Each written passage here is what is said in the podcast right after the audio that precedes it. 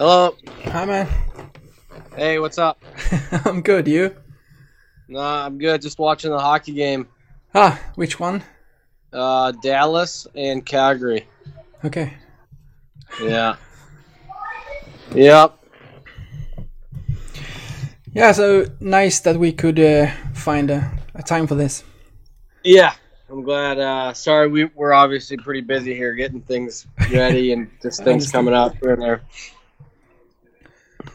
So uh, yeah, I guess we just start, and if it's something afterwards that uh, that you want to to uh, ask about, just just do. But this is just like a talk for the supporters to get to know you a bit better. So yeah, Okay. that's pretty. Sounds good. Sounds good. Sakarek som tappar pucken för gott. Montpellier, där är möjligheten för avgörandet. Montpellier avgör! Äntligen! För Olas!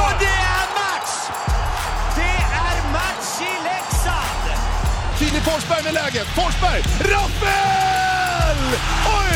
3-1 Leksand! Olas vänder, vrider, kommer långt! Titta passningen! Det är mål! Det är mål! Leksand är i SHL! Good.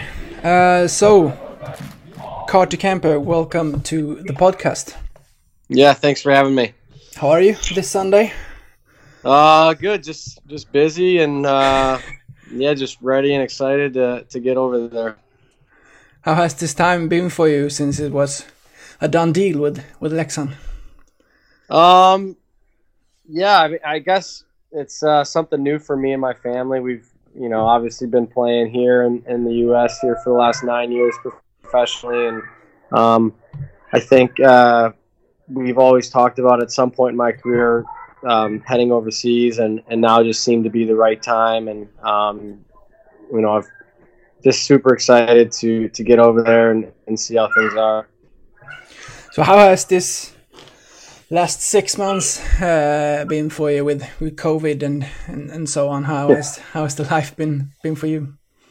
Oh, it's been uh, it's been different. It's crazy. Um, you know, I think when it first started, we had maybe 10, 15 games left in our season, and no one really knew what was, uh, I guess, or how things were going to be handled. I think a lot of us thought we, you know, maybe have a short little break and then get back to our season and finish it. And um, never in a million years would I have guessed that uh, it would take this long. And um, you know, no one, you know, no one knows, you know, what's going to happen, and um, just thankful to to have a job and thankful to be able to come over there and play because, um, yeah, things are things are pretty, um, I don't know, just different.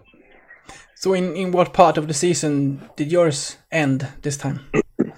We had, I think we had 14 games left, um, and we had a really good team. Uh, and you, I was in Utica last year in the AHL, and we had a really good team, a great group of guys, and I, I feel like we had uh, the opportunity to, to, to do something special just with the makeup of our team. Um, extremely skilled and talented, and um, yeah, I mean it's unfortunate. You never know what's going to happen when you get to the playoffs, but uh, really stinks the, the, the way things ended.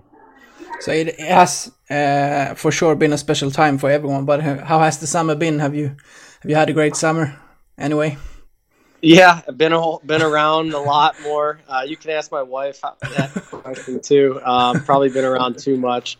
I think early on, um, I was around. I mean, just bored and looking for things to do, uh, and also not knowing whether net last season was going to end or resume, and what next season or when next season would be.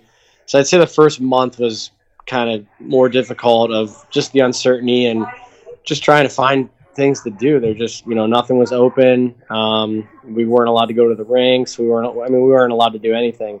Um, but I'd say in the last month or two, things have kind of um, gotten a little bit more normal in terms of, you know, my day to day. I'm, you know, I'm going to the rink, I'm training, doing all, do, you know, doing all the normal things. But um, yeah, definitely been able to spend more time at home and, um, which is great too, you know. But it's it's different when you're not able, you're not in a routine, and you're not able to go to the rink or, um, you know, do do certain things. Hey, kära lyssnare.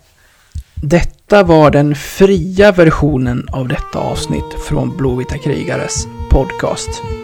En eh, liten teaser kan man säga.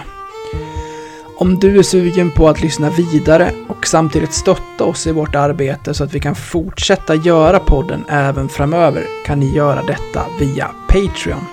Då går ni in på patreon.com och söker upp Blåvita krigare. Eller så går ni in på patreon.com snedstreck blavita krigare. Alltså patreon.com snedstreck blavita krigare. Där kan ni sedan från 19 kronor i månaden stötta podden och på så sätt hjälpa oss att driva den vidare.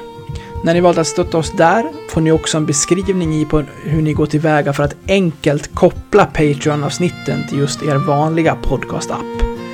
Det vill säga, ni behöver inte lyssna på oss i Patreon-appen utan kan istället eh, blanda våra avsnitt från Patreon bland era andra poddar som ni lyssnar på. Så sök upp oss på Patreon, stötta oss där och så kan ni snart lyssna vidare på resterande delen av det här avsnittet.